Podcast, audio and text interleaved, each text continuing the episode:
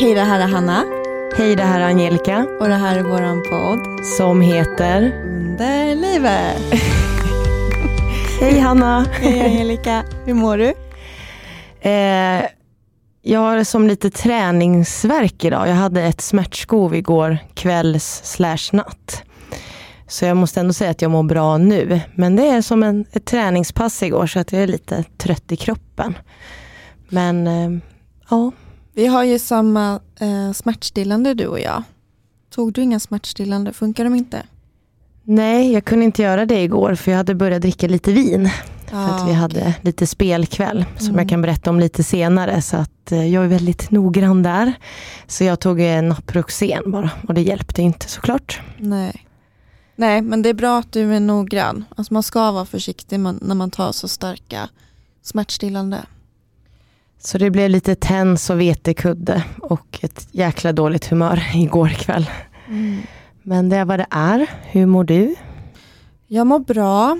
Jag har haft en blödning och eh, Anna-Sofia Melin, alltså endometriosdoktorn som också har varit här som gäst, hon, hon är ju min läkare så hon ringde mig då mitt i det här och det var så skönt att få prata med henne för att hon är, hon är så peppig och hon förstår precis hur man har det. Ehm, men sen eftersom att jag är i kemiskt klimakterium nu och äter hormoner på det och tar åtta eh, tabletter av opiater per dag varannan timme för att liksom hålla ner smärtan så finns det inte så himla mycket kvar att göra. Men eh, jag har aldrig testat Visanne. Det är också ett hormon och det kostar pengar som inte går under högkostnadsskyddet. Och jag är student. Så att jag har tackat nej till det här innan för att jag inte har råd. Ehm, men nu, nu är jag desperat så nu säger jag ja. Men jag har inte hämtat ut den. Jag känner igen det här. Mm. Eh, är det tabletter eller vad är Visanne? Precis, det är tabletter. Det är som Provera, typ som du har haft, eller hur? Har nu? Har. Men jag är också lite så här, eh, alltså min kropp reagerar så himla mycket på hormoner. Så att jag vet inte om jag orkar. Men eh, de finns där i alla fall. Och så har jag en ny tid med Anna-Sofia om två veckor. Och det känns också så här skönt att man alltid har en inbokad tid.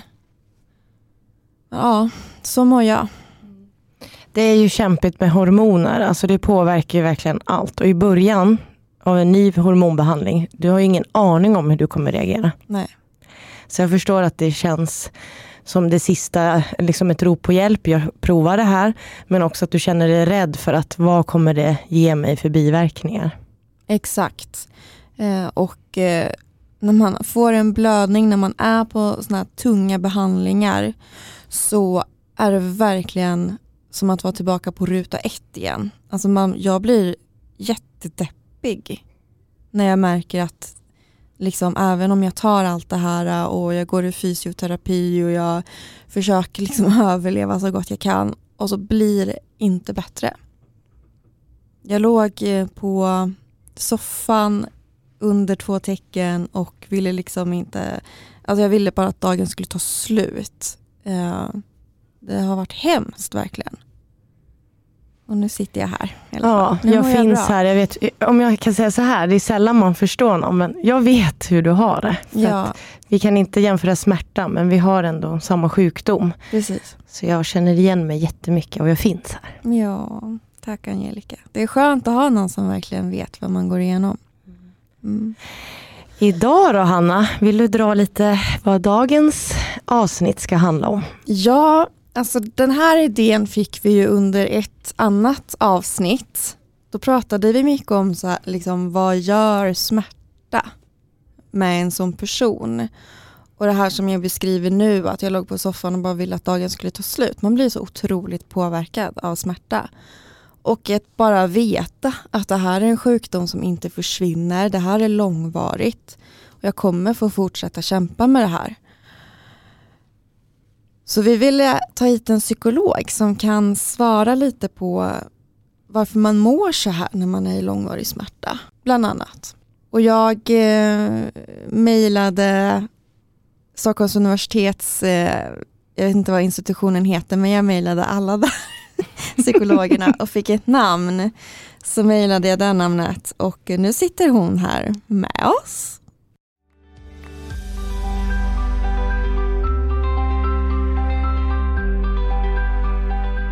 Hej Anna! Hej! Vad kul att du är här. Ja, jätteroligt att vara här. Tack för att jag får komma hit. Ja, det betyder jättemycket för oss att du vill komma hit. Ja, verkligen. Vill du presentera dig själv? Mm. Anna Jakobsson heter jag. Ehm, jag är psykolog och psykoterapeut. Arbetar med KBT och ACT. Jag har jobbat som psykolog i 13 år och nu senaste året så jobbar jag i egen, egen firma med psykoterapi och rådgivning utifrån KBT och ACT men också med handledning och utbildning. Vad är ACT för någonting? Eh, jag vet vad det är för jag har själv gått i det i samband med matriosen. Eh, men om det är någon som inte har koll, vad är det för något? Bra fråga.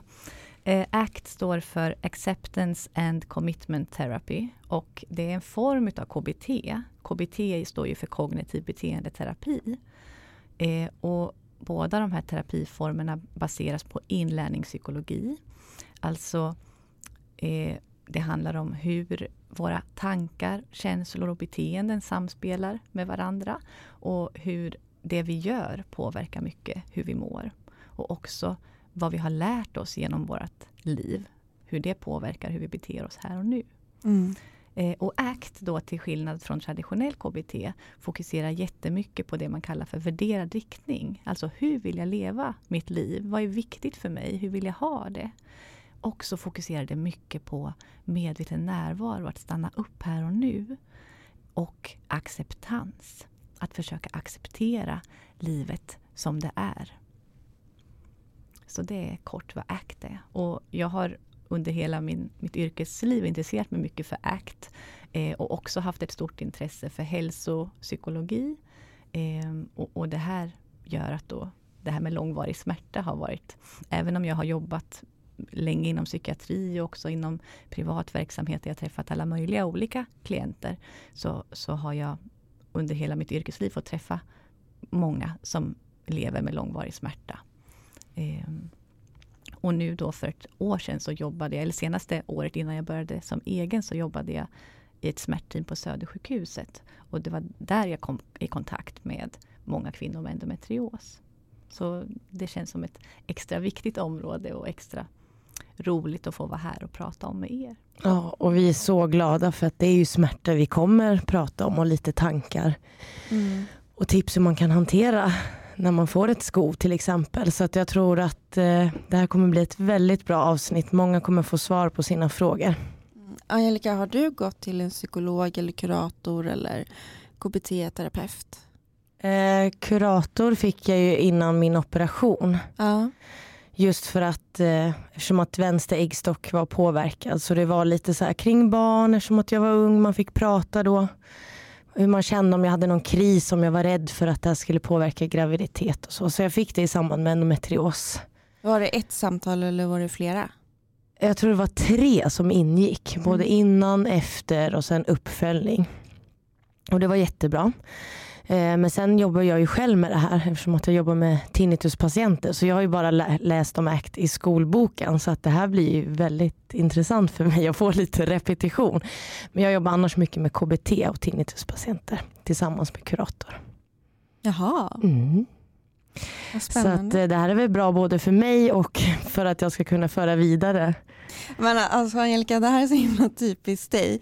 För vilken gäst vi än har här så har Angelica så här, jag har också fått en stroke. Liksom. stroke? Nej, men, ja, blodpropp. En blodpropp, men du har alltid så här en erfarenhet som gästen också har. Och det är jättekonstigt för jag kommer aldrig på det innan. Det är Nej. bara när vi väl pratar och börjar spela in. Nej, så att eh, jag har erfarenhet av det för att jag har läst mycket och intresserat mig och fått eh, äran att jobba med en kurator där vi har jobbat tillsammans med patienter som både audionom och kurator. Eh, så vi har haft mycket patientbesök tillsammans. Så jag har väl också intresserat mig av det här och tycker att jag borde vara bättre på att tillämpa det på mig själv. Men har väl förträngt lite hur, hur jag ska ta och hjälpa mig själv ibland. Så det ska bli intressant att se om jag kan ändra mitt tankesätt för mig själv under dagens avsnitt. Men vi har sammanställt lite frågor till Anna. Och jag tänkte att jag, vi kör Mm. med en gång. Mm. Varför spilla tid? När man har endometrios eller vilken smärtsjukdom som helst så händer det att den drabbade behöver planera om på grund av smärta eller trötthet som man också kan ha väldigt mycket problem med när man har långvarig smärta. Och eh, det gäller ju att ha vänner som inte tar sådana avbokningar personligt och som säger upp kontakterna efter ett par gånger för det har jag och säkert många med mig upplevt. Och eh, det här kan ju också vara förståeligt eftersom den friska vännen sannolikt upplever att den sjuka vännen inte går att räkna med och så vidare. Men även om det är förståeligt så är det inte schysst eller särskilt rättvist. Och den sjuka som fått ställa in känner sannolikt skuld och skam och ångest, vilket är helt obefogade känslor ju. Men ändå så känner man det här och det här är verkligen jag i nötskal. Om man måste stanna hemma på grund av smärta så ska man få göra det utan att riskera sina vänner, för man gör bara det man behöver för att överleva. Och jag har upplevt i perioder av små, svår smärta att det känns som en vinst att ställa in. Alltså det känns liksom jättebra när jag väl gjort det. Även om jag känner den här skulden och ångesten så känner jag också skönt. Jag slapp riskera, liksom utsätta mig för den här träffen eller det här sociala sammanhanget eller den här middagen idag. Jag har klarat mig undan liksom det här jobb, den här jobbiga situationen. Det blir liksom som en belöning. Um, men ju fler gånger som jag ställer in, nu blir det här liksom riktat utifrån jag helt plötsligt. Men, ja, jag, jag känner verkligen så här. Men strunt i det, det är jätteviktigt. Ja. du, det, här, det är ju andra som tänker som dig också, men det här är ett jättebra till exempel att du tar upp hur känslan känns. Ja, precis. Ehm, och ju fler gånger som ställs in desto svårare blir det att vara med. Även de dagar man mår helt och hållet bra så finns den där känslan fortfarande kvar. Det blir verkligen som en ond spiral. För varje gång man säger nej så blir det svårare att säga ja. Liksom. Och då undrar jag, vad är det som händer i hjärnan när man ställer in sociala träffar? Vad är, det, vad är processerna i hjärnan under sådana här situationer? Och vad är de långsiktiga och kortsiktiga effekterna av, att, av det här beteendet? Och eh, hur ska man, nu blir det väldigt många frågor här på en gång, men hur ska man göra för att ett, motverka dem och två, lösa situationen om man väl har hamnat i den? För det är så svårt märker jag att, eh, att ta sig ur en sån situation. För man har liksom skaffat sig ja, men nästan sociala fobier. Skulle jag faktiskt kunna påstå. Eh, vad säger du Anna? Ja men visst, det här är ju en så viktig fråga och eh, som du säger så är det många frågor i en. Eh, och jag ska försöka svara så gott jag kan. Eh, men jag tänker att börja med det här med när man slutar att göra sånt som man egentligen vill. Eh, och när smärtan börjar styra i hög grad hur man lever sitt liv, då kan det ju bli en ond cirkel som påverkar en negativt. Eh, det kan precis vara så där som du beskriver, att på kort sikt så kan det kännas väldigt bra och som en vinst. Men på lång sikt så hamnar man i en ond spiral där man inte lever det livet man vill leva. Eh, och till slut så kanske det egentligen inte ens handlar så mycket om smärtan i sig, utan mer om det där att man har börjat säga nej. Och det blir jättemånga inre mentala hinder för att börja säga ja. Eh, och när vi inte gör det vi vill, då kan vi börja känna oss låga, känna ökad meningslöshet och vi kan också börja tänka massa dåliga tankar om oss själva. Du beskriver ju det så bra att man, ja, man kan få skuldkänslor och ångest och, och, och så. Och det här kan vi liksom inte bestämma över utan så här gör vår hjärna. Eh, det betyder inte att det är sant, men vår hjärna gör så här. Eh, och, och för att motverka det här, eh, då behöver man ju först börja undersöka hur vill jag ha det i mitt liv? Eh, vad längtar jag efter? Vad saknar jag? Hur vill jag vara? Vilka vill jag vara med? Det är där vi behöver börja. Och Sen behöver vi undersöka vad hindrar mig att leva som jag vill? Är det smärtan? Och här kanske det ett enkelt svar blir när man lever med långvarig smärta. Att ja, men det är för att jag har ont. Jag måste ju ställa in för att jag har ont. Men ofta är det inte så enkelt. Och det är precis det som du beskriver också. att Till slut handlar det inte om smärtan. Utan det är andra mekanismer som, som spelar roll. Och vi kan hamna i att göra så här kortsiktigt förstärkta beteenden. Och det kan både handla om att vi pressar oss för mycket, så vi säger ja till vissa för att vi kanske vill vara till lags eller känner att det här kan jag inte ställa in för den här vännen blir så arg på mig om jag gör det. Och då kanske vi inte styrs av vad jag vill i mitt hjärta, utan att det känns skönare på kort sikt. Och så kanske vi säger nej till sådana som vi egentligen vill vara med för att det är enklare att säga nej. Det är ett exempel på hur det kan bli. Och det handlar ju egentligen inte om min smärta, utan det handlar om andra inre hinder. Ehm, och så när man börjar titta närmare på det här, då kan man ofta liksom hitta andra vägar och andra lösningar. Och det kanske också är så här att man inte behöver säga nej fast man har ont, utan det handlar om att kunna vara transparent och visa sin sårbarhet och anpassa situationen efter hur jag behöver ha det i just den här situationen. Så det kan också vara en lösning på ett beteende. Så, ja, men som ni hör, det finns så många olika vägar här och det är så himla vanligt, så här blir det för oss alla. När vi sliter med något som påverkar hur vi mår och hur vi tänker och känner, då börjar vi bete oss på sätt som inte blir så himla bra vi hamnar i så kortsiktigt förstärkta beteenden och den här negativa spiralen som gör att vi får ännu mer jobbiga tankar och känslor och tänker ännu dåligare om oss själva. Och då blir det ännu svårare att göra mm. som vi vill. Och det går så fort också. Det går jättefort. Um, och det kan kännas deppigt att det är så här på något sätt. Men det är också, jag tänker att det också finns massa möjligheter här. För att det här vi har pratat om nu så blir det tydligt att nej men det handlar verkligen inte bara om smärtan. Alltså smärtan är ju det som har triggat igång det såklart. Men det vi har pratat om nu handlar ju om helt andra processer som vi också har möjlighet att påverka. Eh, ofta kanske man, om man tycker att man hamnar långt i den här cirkeln, kanske man ofta behöver hjälp av en psykolog att få börja rodda i och vara lite detektiv. Liksom, vad är det? Vad är det som händer för mig? Vilka situationer blir svåra för mig? Och vad vill jag egentligen? Och för att börja komma i kontakt med vad jag vill. För oftast har man kommit så långt ifrån det, för man gör bara som man tror att man måste. Mm. Eh, och sen hitta strategier för att börja bete sig i sin värderade riktning, alltså hur man vill leva. Jag tänker, nu när man lyssnar så låter det så himla enkelt. Vi börjar med att ställa de här fyra frågorna och jag ser mig själv sitta där med min dagbok och besvara de här. Men det är ju som du säger, det finns så många vägar att gå. Och sitter du där själv och redan har hamnat här, vart börjar du? Så där tänker jag att en psykolog är jättebra till hjälp för att veta riktningen i början i alla fall.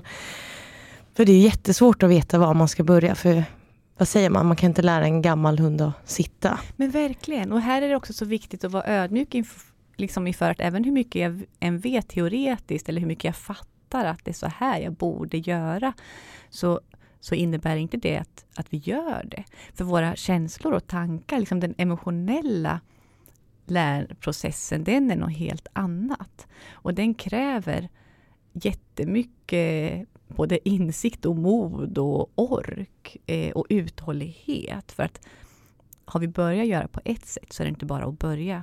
Det är verkligen lättare sagt än gjort att börja göra på det där andra sättet. Så först komma på vad är det jag gör och vilket sätt vill jag göra på? Och sen att börja göra det med alla mina jobbiga tankar och känslor. För tankarna och känslorna kommer inte försvinna, utan de kanske snarare kommer öka när jag börjar göra tvärtom.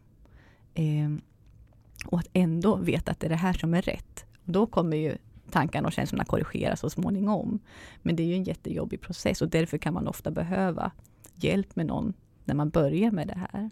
Eh, så Ja, och jag vill ändå förmedla hopp här. Det finns saker man kan göra. Och livskvaliteten kan verkligen, verkligen öka, även om man lider av svår endometrios, svår smärta eller andra kroniska sjukdomstillstånd så finns det mycket vi kan göra. Så det gäller egentligen bara att försöka utsätta sig för det och visa kroppen och hjärnan att det inte är någon fara. Precis, och här är det viktigt också så att det inte blir något missförstånd med det att eh, man ska ju utsätta sig för det, men man ska göra det med värme och kärlek till sig själv. Och man ska vara snäll mot sig själv, för det är jättesvårt. Och vara snäll mot sig själv när man misslyckas att göra det. Utan att för den delen säga så här, eh, jag skiter i det här och fortsätta undvika. Så vi måste liksom våga, orka försöka men ändå vara jättesnälla mot oss själva. För det är jättesvårt. Det är verkligen det. Mm. Och det är därför man kan behöva någon att hålla i handen under det här. Under början i varje fall. Mm. Ett sånt här beteende kan ju verkligen göra att man blir deprimerad. Mm. Men sen är det ju många som faktiskt, men som du Angelica, som är väldigt bra på att faktiskt träffa folk och, och säga ja. Alltså du och jag är ju verkligen två olika exempel av hur man kan vara i sin sjukdom. Jag är ju lite mer den här personen som vi har pratat om nyss, som liksom isolerar sig och, och försöker skydda sig i varje situation till varje pris. Men om man ändå lever på i sitt liv så finns det väl ändå en risk att man kan bli deprimerad, ångestfylld just för att man lever med den här äh, långvariga smärtan och framtiden kanske inte ser så, så härlig ut. Att man går och oroar sig över behandlingsmetoder och smärtstillande och ja, läkarbesök och så vidare och så vidare. Eh, Men också det att den här, den här andra delen då som är lite med jag, pressen. Ja. Hur, hur, där blir det en helt annan grej. Där är ju den positiva ja-sägaren, jag pressar ju mig.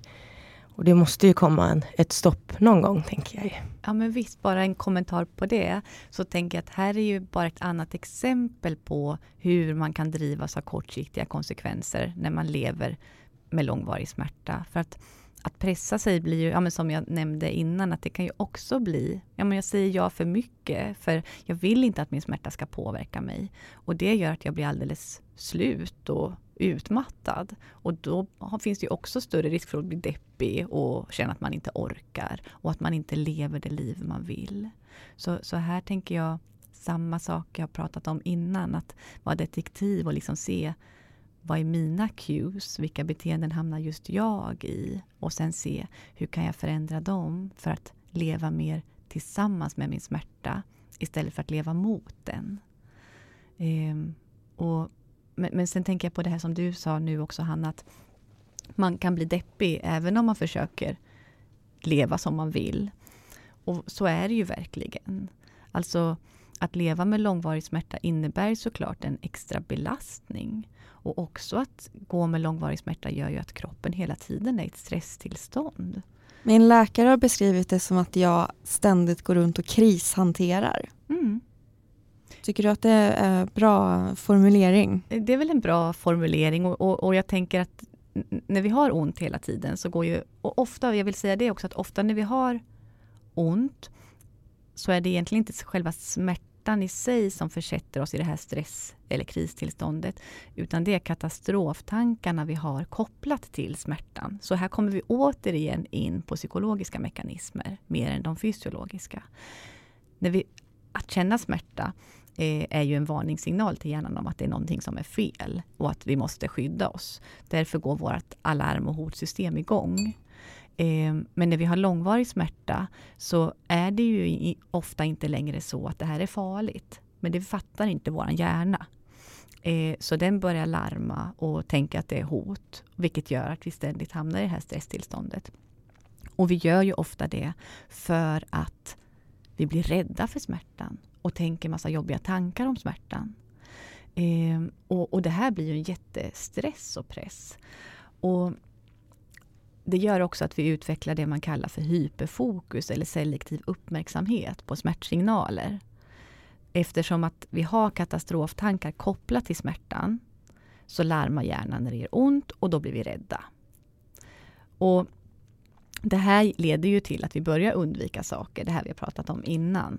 Eh, och själva undvikandet gör också att vi blir självkritiska och negativa. Alltså, så det blir så på så många olika håll. Smärtan mm. i sig leder till katastroftankar som gör oss rädda och hamnar i den här stressen. Det är ju jättejobbigt att gå och vara ständigt stressad. Det blir man ju jättetrött av. Så bara det i sig kan göra oss låga och deppiga och utmattade. Eh, och sen kommer liksom också det här med att eh, vi börjar undvika saker för att vi är rädda. Och då blir vi deppiga av det också. Mm. Så att det kommer från flera håll här. Men det är därför det här med katastroftankar är verkligen en nyckelfråga. Eh, jag har eh, intresserat mig mycket för det här med bemötande av patienter med smärta i tidigt skede. Till exempel när man söker primärvården, kanske första gången. Eh, och här finns det väldigt mycket att önska. Eh, så. Eh, och här vet man också att ifall man får ett bra bemötande så man får en känsla av kontroll att man förstår vad är det som händer mig och vad är det här för smärta och är den farlig eller inte? Och vad, kan jag, vad kan jag göra för att hantera den? Får jag den där känslan av kontroll genom kunskap och bra bemötande och god uppföljning, då minskar ju katastroftankarna. Då drar inte det här igång. Eh, och då blir inte smärtan lika farlig. Så det här är så himla viktigt. Och det här vet man, det är liksom en sån stark predicerande faktor för att få svår långvarig smärta, just katastroftankarna. Så här har vi mycket vi kan göra. Mm. Eh. Hur, hur, skulle du definiera katastroftankar? Eh, har jag en farlig sjukdom? Kommer jag att dö? Eh, det här gör så ont, jag står inte ut. Jag kommer aldrig bli av med den här smärtan. Eh, jag kan inte leva mitt liv med det här. Nu kommer jag aldrig kunna eh, träffa en partner. Jag kan, kommer inte kunna jobba med vad jag vill ja, jag kan räkna upp hur många som helst. Ja. Men, men gud vad mycket! Det var ju verkligen massa man inte tänker på. Ja. Det är inte bara smärtan utan kommer jag träffa en partner? Kommer jag klara av jobbet? Du, som du säger, det är ju inte bara smärtan. Nej. Nästan omgiv, omgivningsfaktorerna som är värre. Mm. Ja. Mm. Och de finns ju där även när man inte har smärta. Ja. Så jag kan uppleva att jag aldrig får en paus. Nej, men visst. Ehm, och, och, här kommer vi in mer på det här vad det gör med oss att leva med det här. Och här vill jag också förmedla hopp, för det finns saker man kan göra och att bara få syn på att ja, men det där pågår inom mig hela tiden. Det blir som ett form av ältande kan man kalla det för. Eh, som vi har svårt att styra över för den processen har liksom dragit igång. Så de här katastroftankarna maler på där inne. Eh, men här finns det saker vi kan göra för att bryta det här och för att hantera det. Eh, så det finns, det finns bra saker man kan göra. Mm. För att man behöver ju få den där pausen och få känna att man mår bra och känna sig stolt över sig själv och känna att livet är som man önskar. Även fast man har sin smärta. Mm. Och det är lättare sagt än gjort, vill jag säga än en gång. Men, men det går. Det finns mycket man kan göra. Mm. Och Jag tänker också även tillåta sig själv och må dåligt. Ja, verkligen. Också, verkligen. inte bara det här positiva utan det här är för att kunna nå upp tänker jag så måste du faktiskt kunna dela med det här mår jag dåligt av. Så det kanske är en bra, jag brukar hantera det mycket så här. Jag har mina fyra dagar, brukar jag säga, om det är riktigt dåliga dagar. Och det kan vara med allt. Med, det behöver inte vara endometriosen. Då vill jag liksom nöta det här att det här mår jag dåligt av och nu är jag så himla ledsen och jag kan till och med lägga in en eh, deppig musik i bakgrunden när jag sitter och tänker för att då kan jag lättare ta mig upp. Tänker jag. Så att, ja. att just att man tillåter sig själv att må dåligt. Men det gör man ju inte alltid. Det här är jätteviktigt att man, att man kan göra och det handlar ju också om acceptans. Eh, och tillåta sig att vara ledsen för att det här är ju jobbigt det är såklart att man blir ledsen över att behöva slita med det här. Och att man behöver kämpa så mycket. Det är jätteviktigt att kunna komma i kontakt med det och liksom, ja, gud vad tufft jag har det. Ehm, och vara snäll mot sig själv där också. Liksom att, ja, jag behöver ta hand om mig nu. Vad kan jag göra för mig själv för att det är så här tufft? Ehm, som man skulle göra med en vän. Så måste man börja göra lite mer med sig själv. För det är lätt att hamna i det där dömande och självkritiska och icke-omhändertagande eller att pressa sig själv. Och då accepterar man inte heller. Så det handlar verkligen inte bara, så himla bra att du säger det Angelica, för det handlar verkligen inte bara om att så här, på något käckt och peppigt sätt. Bara, nu ska jag ut och leva livet och allt kommer bli bra. Jag klarar det här jättebra med min smärta. Eh, nej, nej, nej. Då, ham, då, har, då är man också i något undvikande. För då har man ju verkligen inte accepterat det fullt ut. Eh, utan det handlar verkligen om att embrace alltihopa. Mm. Eh, och låta det få vara där. Och där kommer ju också det här, vi kommer väl prata mer om det senare, men det här med transparens inför sin omgivning. Så att man faktiskt kan låta smärtan få finnas med som en del även i relationer. Min, eh, min syster, hon har också väldigt stora problem och kämpar just nu för att få en endometriosdiagnos och hitta en behandling som fungerar. Jag har, hon, eller hon har ju sett hur jag har liksom kämpat i motvind med att få hjälp. Och därför har ju hon ganska mycket så dragit sig för att själv utsätta sig för en vård som inte fungerar. Men nu har hon äntligen liksom tagit mod till sig och börjat aktivt söka hjälp. Och jag bad henne formulera en fråga till dig Anna. Och så här lyder den. Hur ska man göra för att inte smärtan ska ta över hand i livet? Det vill säga, hur kan man göra för att inte låta sig styras av sin sjukdom? Och min syster, och eh, här kan jag nog också många andra känna igen sig i, upplever att smärtan tar bort en stor del av ens personlighet i perioder. Och det här pratade vi om innan vi började spela in. Um, till exempel med identitet och att man vill hålla kvar vid sitt jobb och, och jag vill hålla kvar vid mina studier för att det är mitt sätt att hålla kvar i rutiner och vardag mitt i all sjukdom. Ehm, men hon upplever att hon tappar mycket av sig själv i all smärta och orkeslöshet. För det handlar ju om orkeslöshet också som den här sjukdomen orsakar. Finns det liksom något verktyg eller liknande som man kan använda för att undvika att tappa sin identitet på det här sättet? Så hur, hur kan man liksom tänka rent praktiskt? Jag skulle säga att eh, acceptans verkligen är nyckeln där också. Eh, och precis som när vi pratade tidigare, eh, att börja med undersöka hur vill jag ha det i livet? Vad längtar jag efter? Hur vill jag ha det i mitt yrkesliv? Hur vill jag ha det i mina relationer? Hur vill jag ha det på min fritid och med min hälsa? Så att man börjar definiera för, dig själv, för sig själv, hur vill jag leva och hur vill jag vara? Inte mål, alltså inte formulera mål, jag vill åstadkomma det här, utan mer att ja, men jag vill vara en sån som lyssnar på min kropp eller jag vill vara en sån som har ett utmanande arbete som ger mig mycket stimulans eller jag vill vara öppen i mina relationer. Det kan vara exempel på eh, värderad riktning inom de här områdena. För Jag tror att det här är jätteviktigt att börja med så att man är i kontakt med hur vill jag ha det? Sen behöver man titta på vad hindrar mig att leva som jag vill? För det är ofta det här hindren som gör att vi känner att vi tappar kontakt med vår identitet eller att vi inte lever som vi önskar. Och här är det lätt att hamna i att man tänker att ja, men det är smärtan som är hindret. Eh, men då behöver man tänka lite längre. Smärtan är absolut ett hinder. Man behöver också tänka på vad tänker jag om mig själv? Vilka känslor triggas på grund av min smärta? Vad gör jag på grund av att jag får de här tankarna och känslorna? Um, och där, utefter det, kunna sen bygga upp som någon handlingsplan. Hur ska jag göra mer för att komma i kontakt med mina värderade riktningar? Man kan börja med att så här, ta ett litet steg varje dag. Ja, men om jag vill vara öppen i mina relationer till exempel, vi tänker det. Då varje dag när jag vaknar, att jag tänker så här, vad ska jag göra idag för att leva mer i den riktningen? Vad ska jag göra idag för att vara öppen i mina relationer? Jo, men okej, okay, jag har ju inte eh, jag tänkte ställa in den här grejen för att jag vill inte säga att jag har ont eller jag vill inte verka gnällig.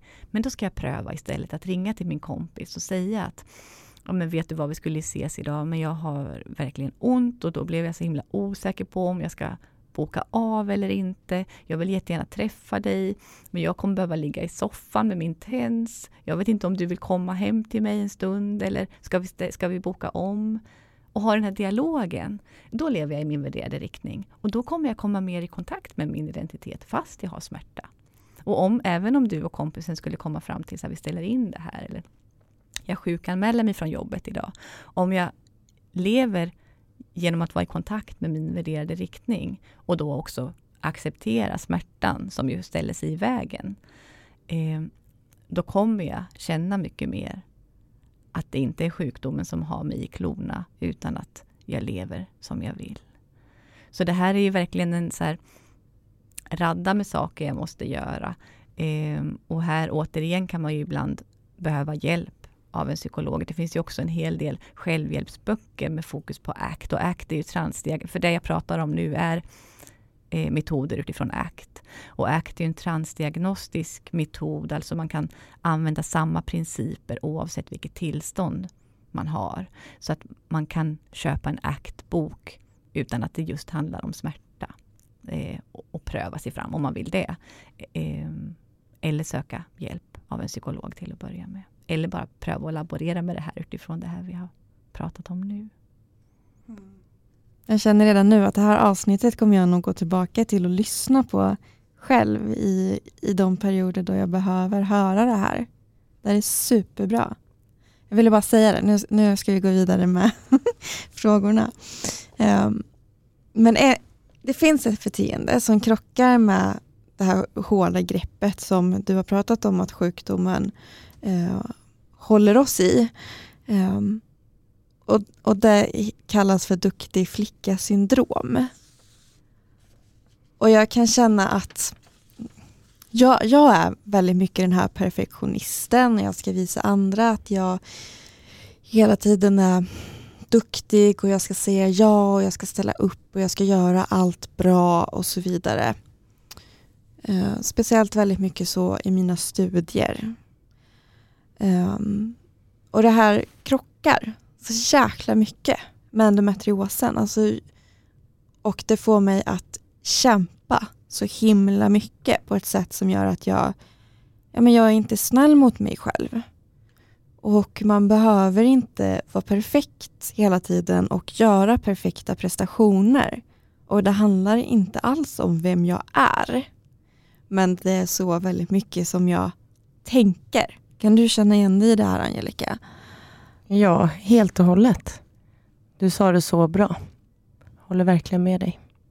Hur ska man göra Anna för att liksom få en, jag vet inte om det här är en fråga du kan svara på eller inte, men hur, hur ska man göra för att hitta den här balansen mellan den här duktig flicka-syndrom som kan appliceras på säkert de flesta kvinnorna och tjejerna med att man faktiskt har omständigheter som gör att det här inte går att eh, nå upp hela tiden.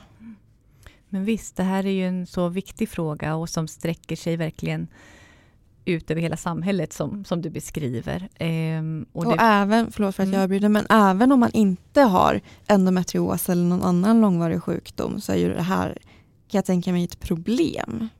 Men precis, det är just det det är. Och jag träffar så många klienter som brottas just med det här. Även om de inte har långvarig smärta som de brottas med.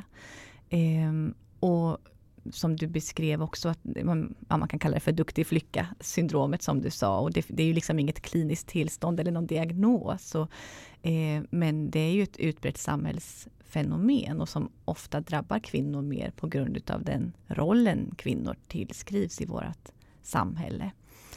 Eh, men det drabbar också män, eh, även om det inte är lika hög utsträckning.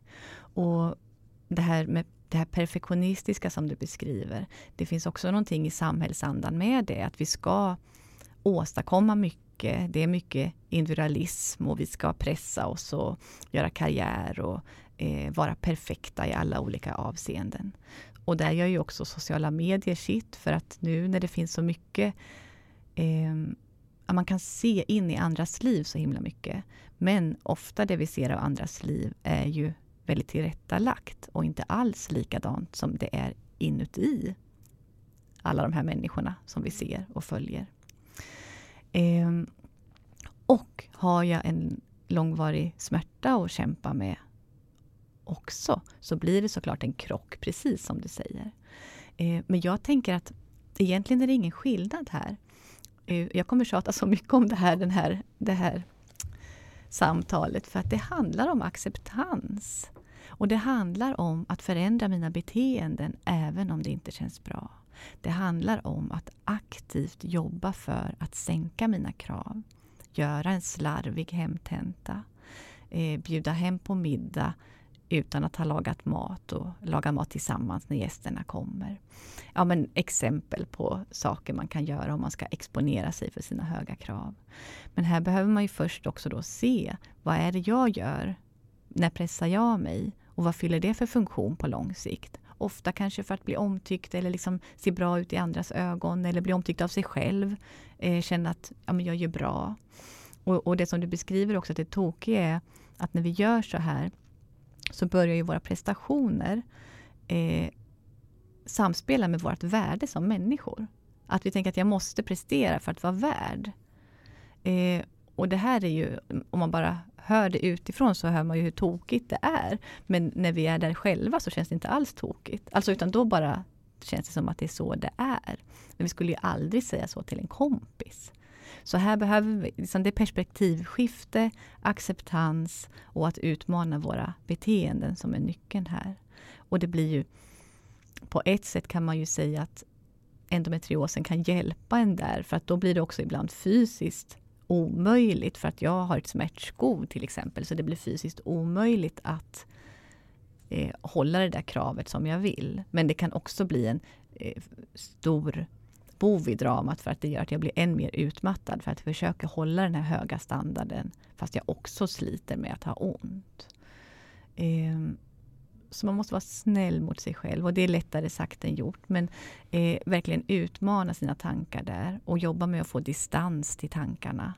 Eh, ta perspektivskifte för att, och tänk sig vad skulle jag sagt till en vän nu i det här läget? Skulle jag sagt till henne att hon skulle fortsätta sitta med den här hemtentan till tolv på natten fast jag också har ont? Eller skulle jag säga att men gå och lägg dig och lämna in den där halvfärdig, du får väl komplettera i sånt fall. Eh, sannolikt skulle man sagt det sista, men det säger man inte till sig själv. Men får jag ge dig, jag behöver lite tips. Jag var med om allt det här igår kväll. Vi hade spelkväll hemma hos mig.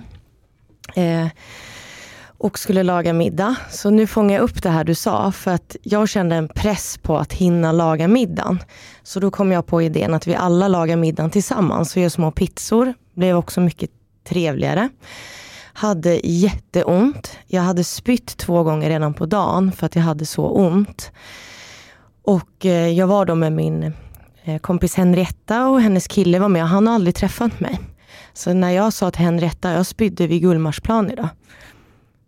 Då tittade han på mig. För att han vet ju inte om min endometrios. Och då sa ju Henrietta, nej, nej alltså Angelica har en smärtsjukdom. Han bara, okej, okay. men det var ändå så här, jag ville inte ta över och hamna i centrum men att han ändå visste om att jag hade, det kändes viktigt. Ja, kvällen fortsätter, jag har jätteont och vi spelar spel och det är jättetrevligt. Och då går jag in i något, ja, något eh, läge där jag är överdrivet glad istället. Jag, jag fake, fake it till you make it. Eller liksom, jag är verkligen så glad. Jag skrattar så mycket. Jag tror jag skrattade mest av alla igår. Och jag verkligen tänkte på mig själv att är det verkligen så här kul det här spelet? Men jag la verkligen på mask. Och sen när de vek av gästerna, då hade jag ju så himla ont. Det var tens, det var vetekudde, tvätta av sminket och jag, jag bara försvann. Jag var som apatisk, jag orkade inte ens prata. Och då var en av gästerna kvar och då blev jag otrevlig istället. Men där tänker jag, först var jag positiv och ändå inte sa nej utan jag valde middagen. Den andra delen när kvällen var slut, det var att jag blev otrevlig och när någon frågade då, ja men hur mår du? Ja, jag vet inte hur jag mår, jag, jag orkar inte prata, kan vi bara vara tysta liksom? Så vad, ja. Men visst, eh, tack för att du delar det här. Jag tänker att det här är ett så himla bra exempel på hur det kan bli. Och jag tror att jättemånga kan känna igen sig i det här. Eh, och också hur svårt det är, hur du sliter där. Eh, vilket får dig då att hamna först i det här beteendet av att eh, vara extra glad och liksom gasa på. Eh, och sen hamnar i det här beteendet av att bli sur och tvär och irriterad. Eh, och det är verkligen begripligt, vill jag först säga. Liksom. Eh, vi alla hamnar där ibland. Eh, och när man måste pressa sig på det här sättet så är det jättesvårt att inte hamna där. Men för att försöka tillämpa allt det här som, som vi har pratat om idag så, så, så tänker jag att om du skulle stanna upp och tänka så här, vad skulle du mest av allt önskat igår? Om vi börjar med det, hur skulle du vilja att det var? Om det kunde vara din drömkväll utifrån ditt, din värderade riktning och att du hade din smärta, för den finns ju där. Nu ska ju, som Hanna också sa, det ska inte handla om oss, men en drömkväll bara, och jag behöver inte ens tänka länge. De lagar mat åt mig, jag ligger i soffan, alltså ändå för, vad heter det, förbehandla kvällen med TENS. Och då drack jag ju vin, att jag får ligga ner och vila och ändå vara social. Men jag är alltid den, och det är, det är duktig flicka-syndromet. Jag ska vara den som styr. Du gör pizzadegen, du gör det. Jag, alltså, det var precis så jag var igår. Liksom. Och när det blev lite stilla så tittar de på mig. För att jag har den rollen att det är alltid jag som för, för jag har ju inte alltid varit sjuk. Nej. Så folk ser ju mig som att, med Angelica, blir det tyst i rummet så pratar hon. Det var ju därför jag var den här skrattande hyenan igår, som gick in i något helt annat och sen bara ville jag inte prata överhuvudtaget. Men här ger du ett så himla bra svar på hur du vill att det ska vara. Och du vet verkligen det i ditt hjärta. Du säger det kommer snabbt. Liksom. Du vet precis hur du hade önskat. Men du berättar samtidigt att du har alltid varit den som fixar och donar och liksom tar ledningen och eh, presterar i de här sammanhangen. Och hur svårt det då är att börja göra på ett annat sätt. Eh, så här är det så bra, och du säger att vi ska inte prata om er här, men jag tänker det här är ett sånt bra exempel. Eh, och ofta behöver man utgå från exempel för att kunna sen generalisera och, och se det här. Så jag tror det hjälper alla lyssnare också att höra det här exemplet. Och och här handlar det just om det här acceptans för att du har ont. Eh, var snäll mot dig själv. Eh, trots att, för om du skulle börja pröva att göra så här som du ville, så skulle du behöva ringa då kanske till någon av dina kompisar och säga att nu är det så här, jag ligger här med TENS, vill ni ändå komma? Eh, jag har handlat till pizzor, tror du ni skulle kunna laga om jag ligger i soffan? Då tror jag att det kommer bli bättre med min smärta så kanske vi kan spela det där spelet sen som vi hade tänkt. Sannolikt kommer de ju säga ja och vilja komma. Eh, men du kommer behöva stå ut med massa självkritiska tankar, massa skam för att behöva vara den som inte kan leverera, som inte kan vara glad och liksom och du kommer ju kunna vara glad, men du kommer få massa tankar om liksom, vad det här kommer kosta dig. Eh, och dåliga tankar om dig själv och så ändå göra det här. Du sa det så bra, sen kanske vi kan gå vidare. Men just det här att eh, vän, mina vänner vet ofta inte vilken förberedelse är för mig. Jag sa det till er innan här när vi småpratade. Att jag måste ha en och en halv timme, bara dra ner persiennerna och sova. För att ladda om, för jag visste att jag kommer fejka och vara glad. Det handlar inte om att jag inte hade kul, men det var bara en skyddsmekanism. Så då är det liksom allting inne, det är liksom topp och dal. Då kör jag all in, nu är jag glad. Och sen faller jag jättehårt och blir jätteledsen. Mm. Man vill ju ha mellantinget och det är det du säger. Informera innan. För då ligger du ju där mm. på en plan nivå än att det drar iväg. Jag är mm. jätteglad eller jag är jätteledsen. Man vill ha det här mellan. Men det där med toppar och dalar kan jag verkligen känna igen mig i. Eh, även fast jag kanske inte har lika mycket toppar som du har. Så när man liksom har träffat folk och så här bitit ihop för att man inte vill vara den där som får en massa frågor och står i centrum och på något sätt den som det ska vara synd om. Så kommer man hem och så total, total kraschar man för att man är så utmattad. Och så, och så tror de i ens närhet att eh, man inte är så sjuk för att de bara ser en i det här tillståndet om man biter ihop. Och de ser en inte när man ligger där i sängen sen i en liksom, pöl av eh, tårar och eh, gråter liksom resten av dagen. Men visst, och det här är så viktigt för att där blir det ju också ytterligare svårt för att man visar upp en helt annan bild eh, för ens omgivning eh, eller bara en del av sig själv och de får aldrig se den här andra delen. Så här, jag tänker bara det här vi har pratat om nu, så får man så, syn på så bra hur viktigt det är att våga utmana de här tankarna och känslorna vi har om oss själva. Och vilken extrem skillnad det kan göra eh, om vi involverar våra anhöriga i hur vi har det. Och ofta så handlar det inte om att det är vännerna eller familjen som då kommer backa eller inte vill. Utan ofta handlar det om våra inre hinder. Att jag vill inte vara den där. Och tänk, vad kommer det, hur kommer det bli då? Vad kommer de tycka? Och hur kommer jag känna?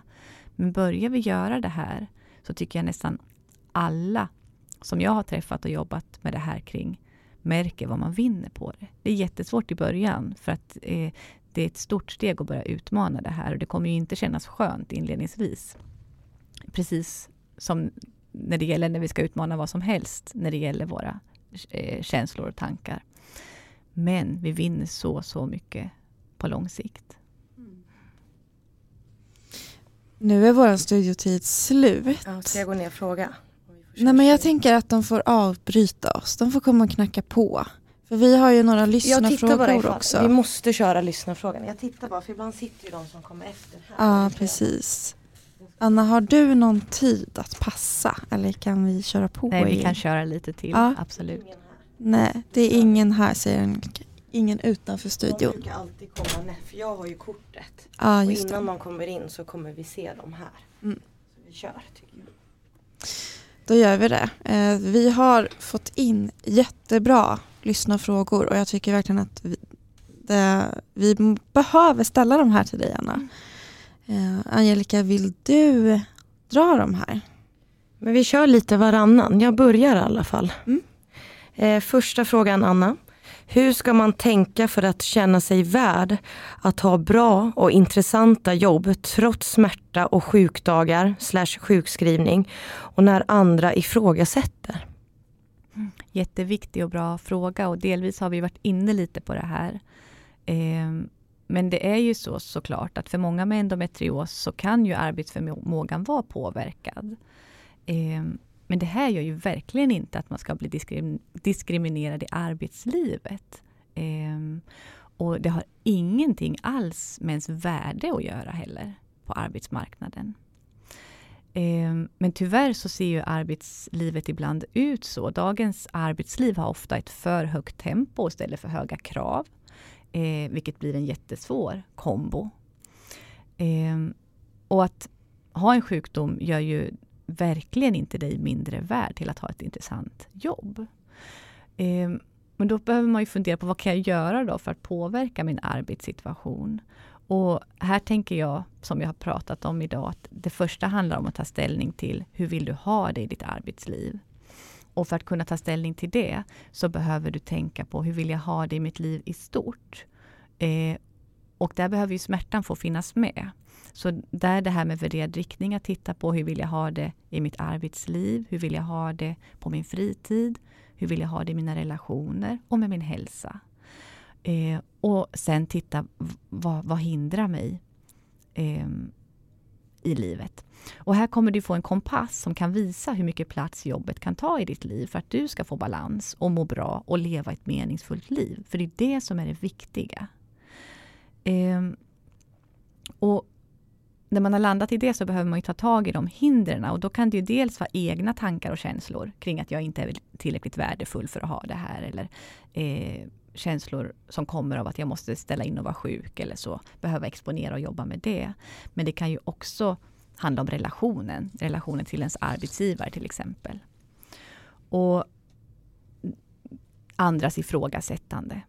Och här behöver jag ju vara transparent med mina behov. Jag behöver våga visa sårbarhet och jag behöver våga ta det här samtalet.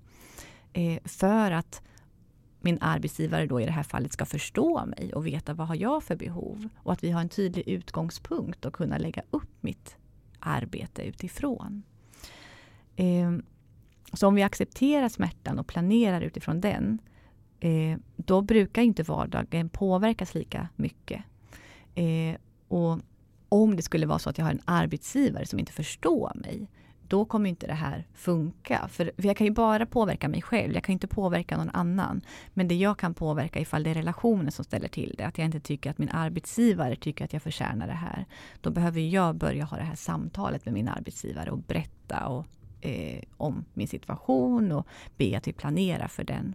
Men om en arbetsgivare inte har ett schysst sätt, då tycker jag verkligen inte att man ska pressa sig och vara kvar där, utan där måste du ju återigen komma till din värderade riktning och hur vill jag ha det i mitt liv?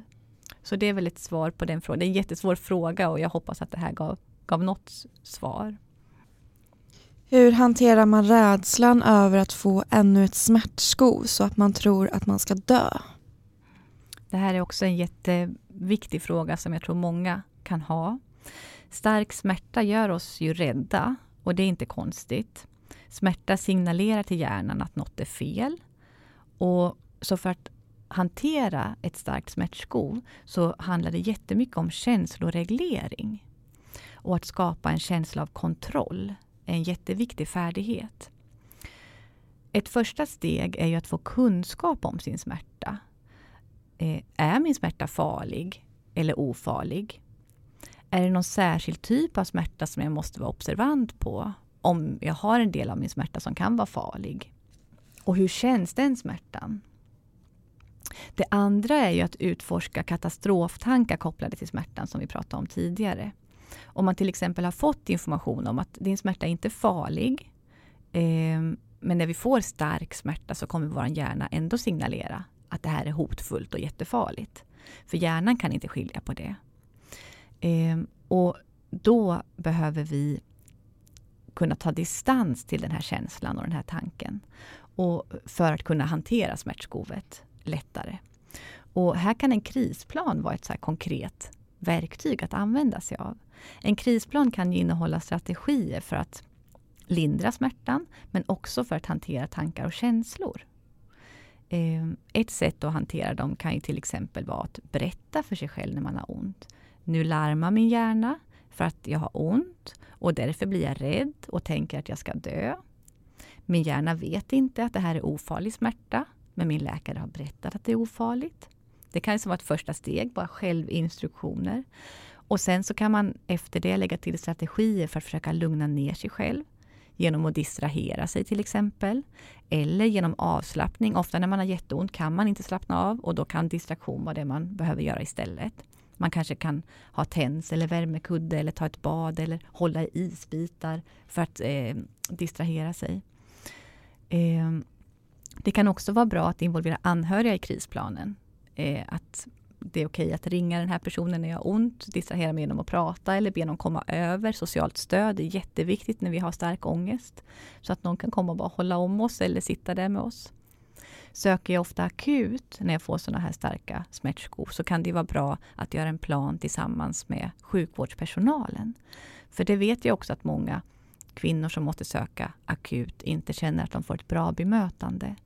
Eh, och här är det ju jätteviktigt att försöka hitta ett samarbete så man vet hur man ska göra och hur vårdpersonalen ska göra.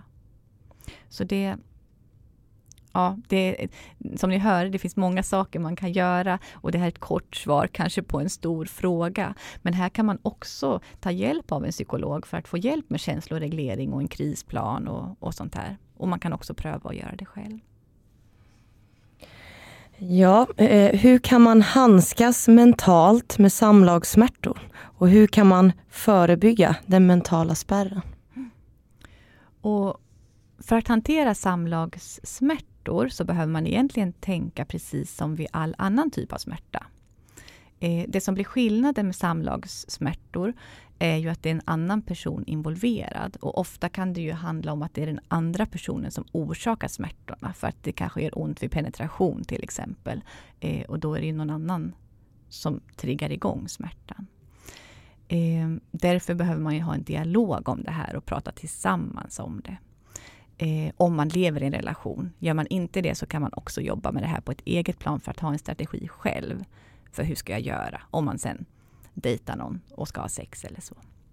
Eh, och för att hantera smärta behöver man ju utforska vad är det här för smärta? Eh, vilka är mina tankar och känslor kopplade till den här smärtupplevelsen? Och vilka beteenden har jag kopplat till det här? Har jag börjat utveckla så stark rädsla så att jag blir rädd bara vid tanken på sex? Eller att jag har börjat ändra mina beteenden för att det blir en så stressfull situation att ha sex? Eller har vi i vår relation hamnat i oflexibla tankar om att man måste ha penetrerande sex när man har sex. För att man kan ha sex kan innebära så mycket annat.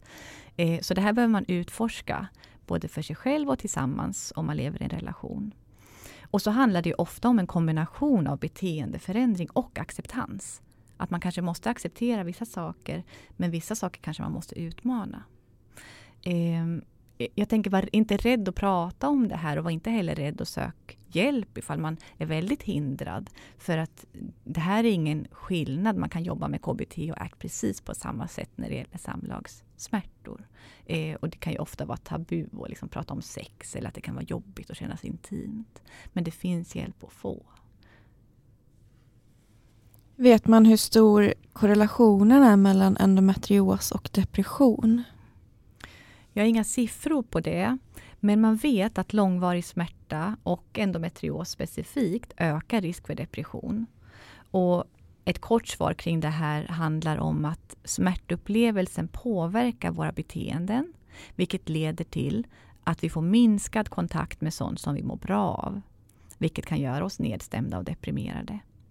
Så för att bli kvitt depressionen så är det bra att analysera sina tankar, känslor och beteenden kopplat till smärtan och se hur kan jag leva ett meningsfullt liv med acceptans för min smärta och få kontakt med de här positiva förstärkarna igen. För det är oftast brist på positiva förstärkare i livet som gör oss deppiga. Eh, Anna, har du några, några, tips på hur man kan må bättre under social isolering vid längre skov och smärta? Mm. Här är det första steget att undersöka vad får mig att isolera mig? Vad är det som gör att jag isolerar mig? Sen behöver jag också fundera kring vad gör jag när jag är isolerad? Ligger jag i sängen och grubblar? Eh, eller sysselsätter jag med saker som jag mår bra av?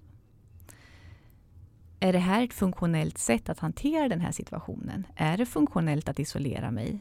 Eller borde jag istället utmana, som vi pratat tidigare om, att vara mer transparent och kunna få socialt stöd och vara med andra även fast jag har ont? Är det funktionellt att ligga och grubbla i sängen eller är det bättre, även om jag vill vara ensam, att göra något för att ta hand om mig själv och se till att göra situationen mysig? Eh, och vad handlar om själva smärtan och vad handlar om mina tankar, känslor och beteenden kopplat till smärtan? Vad skulle jag må bra av nu? Så här handlar det ju, men det blir som ett mantra här idag, men det handlar om en kombination av det man kallar för beteendeaktivering, alltså göra sånt jag vet att jag mår bra och att acceptera hur jag har det och att exponera mig för att utmana de här kortsiktiga konsekvenserna. Nu tänker jag ställa två frågor i en här för att de är, hör lite ihop. Mm. Finns det många anhöriga till personer med endometrios som går i terapi för att handskas med sjukdomen som anhörig?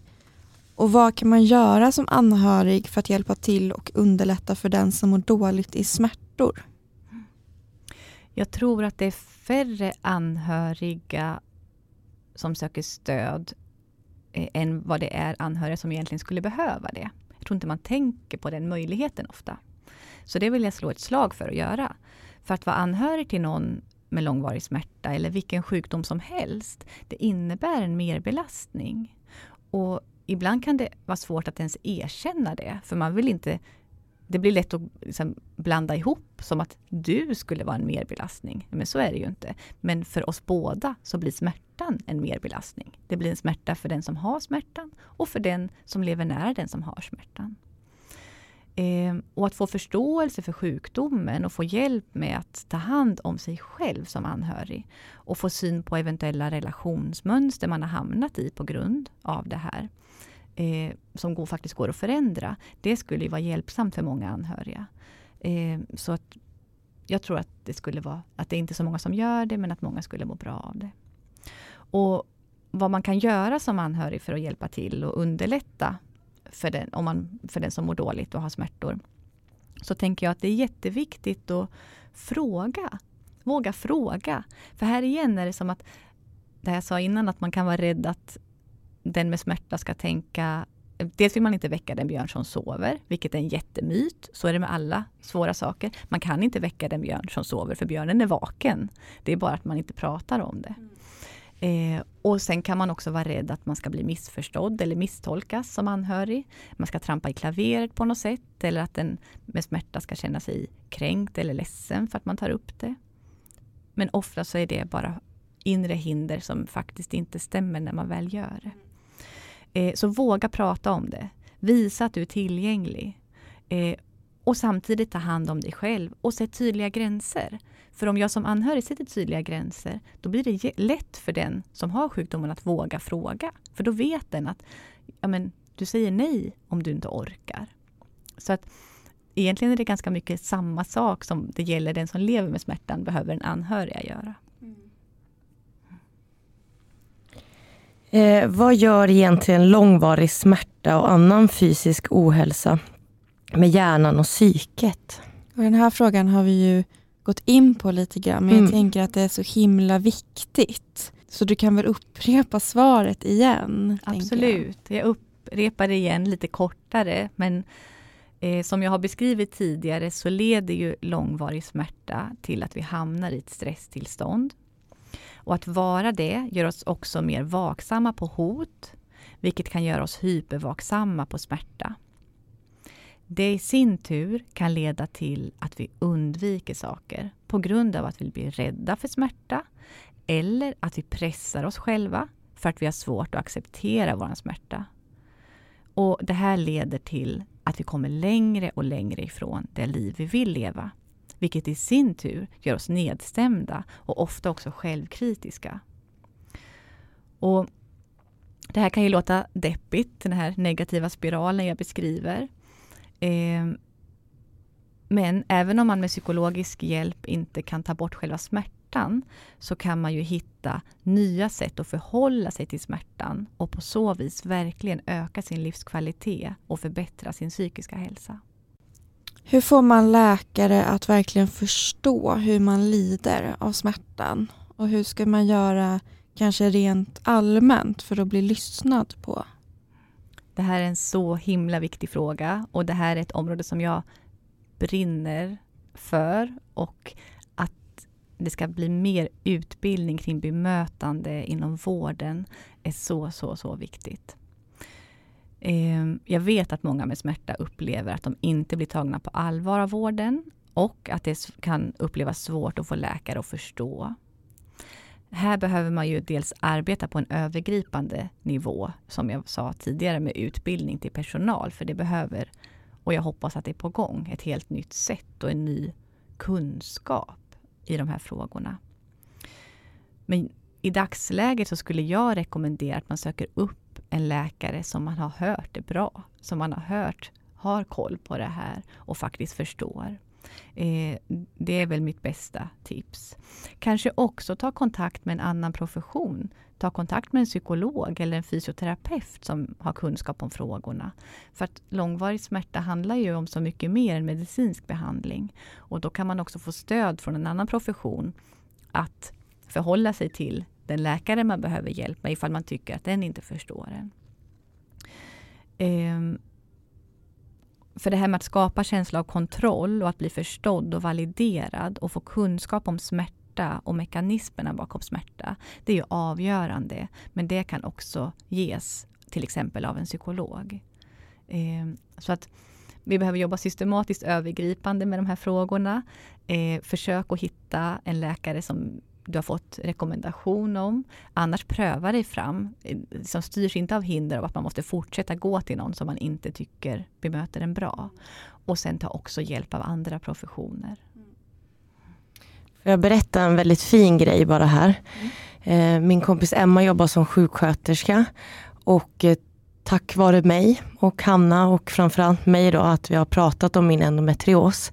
Så nu när det kommer in på akuten eh, kvinnor med diffusa buksmärtor och har varit där väldigt många gånger. Så berättade hon för mig att hon sa till läkaren, kan det inte vara endometrios? Så hon har börjat öppna ögonen, men hon sa det, jag har inte vetat. Men det är just det här att läkarna då faktiskt skickar en remiss till gyn. För hon sa det att det, det har inte hänt. Liksom. Men som att just sjuksköterskorna pratar ju så mycket med patienterna. Och då sa hon att ja, men det här kan ju vara endometrios, för nu har ju hon fått kunskap kring det. Och det är det som du säger, bara att hon blev lyssnad på av min kompis Emma den dagen, vet jag hur mycket det betyder. Så himla bra. Mm. Har vi något eh, råd som vi vill skicka med alla lyssnare efter det här avsnittet? Har du något annat som du känner att är viktigt att säga? Några sista avslutande ord?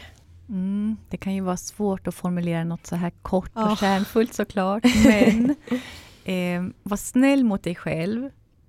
Eh, försök att ta perspektivskifte och se så här, vad skulle jag sagt till en vän i den här situationen? Och påminn dig om att det finns jättemycket du kan göra, även om smärtan inte går att bota eller få bort, om det är så att du behöver leva med den, så finns det jättemycket du kan göra för att påverka ditt liv och din livskvalitet i en jättegod riktning. Om man vill komma i kontakt med dig som patient, vart kan man höra av sig då? Då kan man gå in på min hemsida eh, som är www.psykologannajakobsson.se och då stavar jag Jakobsson med C och ett S. Vi Så kan lägga upp det i, i avsnittets beskrivning också. Kan vi länka direkt till din eh, hemsida? Absolut. Och så kan man följa Underlivet på Instagram. Underlivet podd heter vi där. Och jag heter Hanna Oredsson om man vill följa mig. Och jag heter Angelica Hackala.